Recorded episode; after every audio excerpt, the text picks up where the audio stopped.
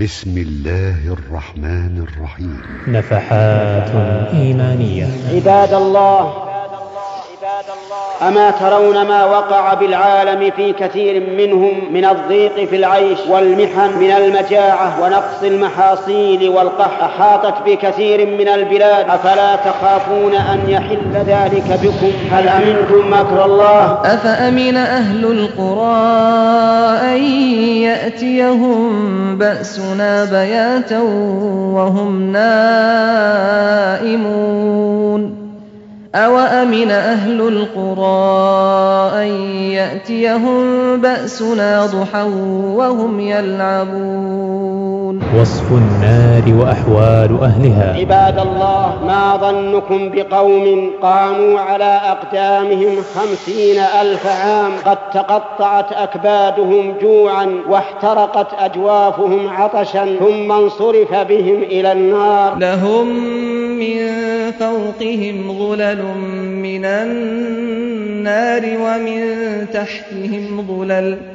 ذلك يخوف الله به عباده. يا عباد فاتقون. نفحات إيمانية. فاتق الله وراقب الله. ولا تشبه بأعداء الله المنافق إلى الصلاة في الجماعة الفجر وغيرها. نفحات إيمانية. كيف يكون الإنسان تائبا من ذنب وهو مصر عليه؟ كيف يكون الإنسان تائبا من غش الناس وهو لا يزال يغش في بيعه وإجارته؟ كيف يكون تائبا من الغيبة وهو يغتابهم في كل مجلس سنحت له الفرصة فيه؟ ومن تاب تاب الله عليه. يسر مؤسسة صدى البشرى للإنتاج الإعلامي والتوزيع. أن تقدم لكم نفحات إيمانية. النفحة الأولى وصف النار وأحوال أهلها لفضيلة الشيخ محمد بن صالح العثيمين رحمه الله تعالى. النفحة الثانية الإسراع بالتوبة لفضيلة الشيخ محمد بن صالح العثيمين رحمه الله تعالى. النفحة الثالثة المحافظة على الصلاة. لسماحة الشيخ عبد العزيز بن عبد الله بن باز رحمه الله تعالى. والآن نترككم مع النفحة الأولى وصف النار وأحوال أهلها. وصف النار وأحوال أهلها. الحمد لله مستحق الحمد وأهله وأشهد أن لا إله إلا الله وحده لا شريك له في ملكه وحكمه وأشهد أن محمدا عبده ورسوله أفضل خلقه.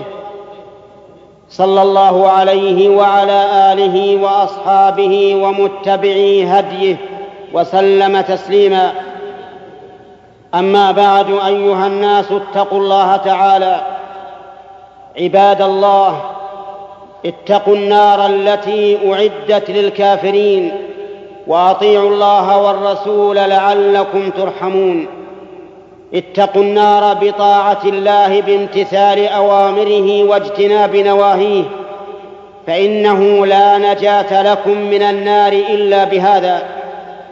اتقوا النار فإنها دار البوار دار البؤس والشقاء والخزي والعار دار من لا يؤمن بالله واليوم الآخر.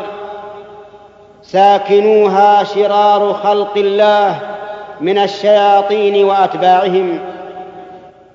قال الله عز وجل مخاطبا لإبليس. قال فالحق والحق أقول لأملأن جهنم منك وممن تبعك منهم أجمعين.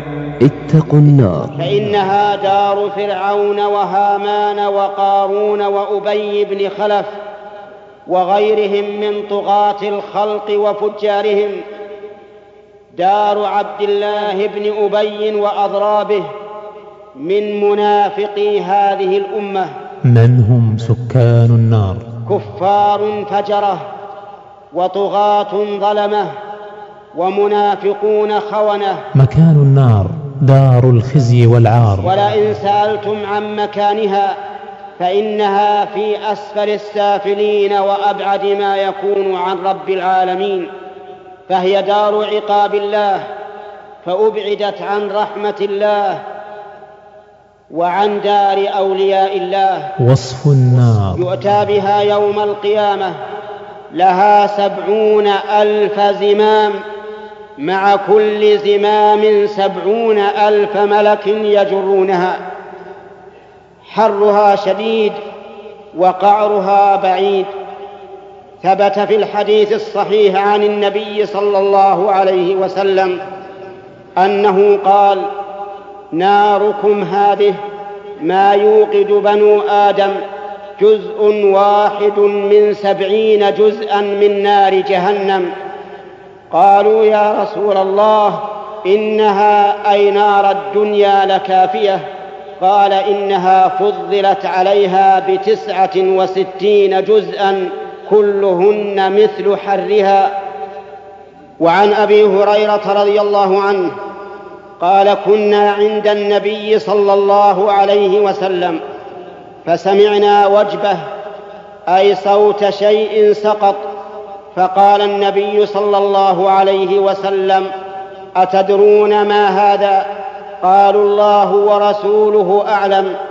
قال حجر أرسله الله في جهنم منذ سبعين خريفا يعني منذ سبعين سنة فالآن حين انتهى إلى قعرها أخرجه مسلم.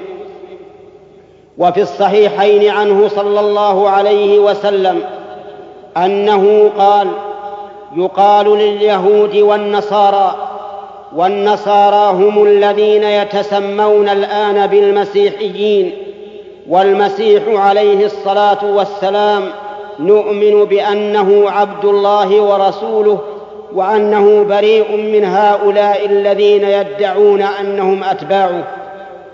يقول النبي صلى الله عليه وسلم يقال لليهود والنصارى ماذا تبغون؟ فيقولون عطشنا ربنا فأسقنا فيشار إليهم ألا تردون فيحشرون إلى جهنم كأنها سراب يحطم بعضها بعضا فيتساقطون في النار. قال الله عز وجل ونسوق المجرمين إلى جهنم وردا. عباد الله ما ظنكم بقوم قاموا على أقدامهم خمسين ألف عام لم يأكلوا فيها أكلة ولم يشربوا فيها شربة. قد تقطعت أكبادهم جوعا واحترقت أجوافهم عطشا ثم انصرف بهم إلى النار وهم يطمعون في الشراب فلا يجدون إلا النار. يلقون فيها يدعون فيها دعا إذا ألقوا فيها سمعوا لها شهيقا وهي تفور. قد ملأها الله غيظا وحنقا عليهم. تكاد تميز من الغيظ. كلما ألقي فيها فوج سألهم خزنتها ألم يأتكم نذير؟ قالوا بلى قد جاءنا نذير فكذبنا وقلنا ما نزل الله من شيء. إن أنتم إلا في ضلال كبير. هذا ما يقابلون به عند دخول النار توبيخ وتقريع وإهانة وتنديم فتتقطع قلوبهم أسفا وتذوب أكبادهم كمدا وحزنا ولكن لا ينفعهم ذلك. فإذا دخلوها فما أعظم عذابهم وما أشد عقابهم. لهم من فوقهم ظلل من النار ومن تحتهم ظلل. ذلك يخوف الله به عباده. يا عباد فاتقون.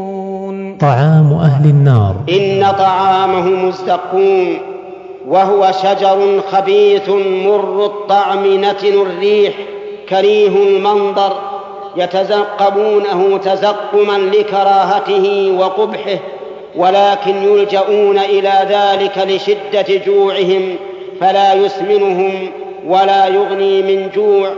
وفي الحديث عن النبي صلى الله عليه وسلم قال اتقوا الله حق تقاته فلو أن قطرة من الزقوم قطرت في بحار الدنيا لأفسدت على أهل الأرض معيشتهم. رواه النسائي والترمذي وقال حسن صحيح. فإذا ملأوا بطونهم من هذا الطعام الخبيث الذي لا يسمن ولا يغني من جوع التهبت أكبادهم عطشا. فلا يهيأ لهم الشراب وإنهم ليستغيثون وإن يستغيثوا يغاثوا بماء كالمهل وهو الرصاص المذاب يشوي الوجوه حتى تتساقط لحومها بئس الشراب يشربونه على كره واضطرار شرب الهيم وهي الإبل العطاش التي لا تروى من الماء فإذا سقط في أجوافهم قطع أمعاءهم. هذا شرابهم كالمهل في حرارته وكالصديد في نتنه وخبثه. قال الله عز وجل واستفتحوا وخاب كل جبار عنيد. من ورائه جهنم ويسقى من ماء صديد. يتجرعه ولا يكاد يسيغه ويأتيه الموت من كل مكان وما هو بميت. ويأتيه الموت من كل مكان وما هو بميت. ومن ورائه عذاب غليظ. لباس أهل النار. فلباس الشر والعار. قطعت لهم ثياب من نار على قدر أبدانهم لا تقيهم حر جهنم ولكن تزيدها اشتعالا فيها وحرارة. قال الله عز وجل سرابيلهم من قطران وتغشى وجوههم النار. في عذاب مستمر دائم ابدا لا يفتر عنهم وهم فيه مبلسون. كلما نضجت جلودهم بدلهم الله جلودا غيرها ليذوقوا العذاب. إن الله كان عزيزا حكيما. وكلما خبت النار زادها الله سعيرا. كلا إنها لظى نزاعة للشوى. تدعو من أدبر وتولى وجمع فأوعى يرتفع بهم لهبها إلى أعلاها فكلما أرادوا أن يخرجوا منها أعيدوا فيها وقيل لهم ذوقوا عذاب النار الذي كنتم به تكذبون. أماني أهل النار. ينوع عليهم العذاب فلا يستريحون أبدا فيقولون لخزنة جهنم ادعوا ربكم يخفف عنا يوما من العذاب.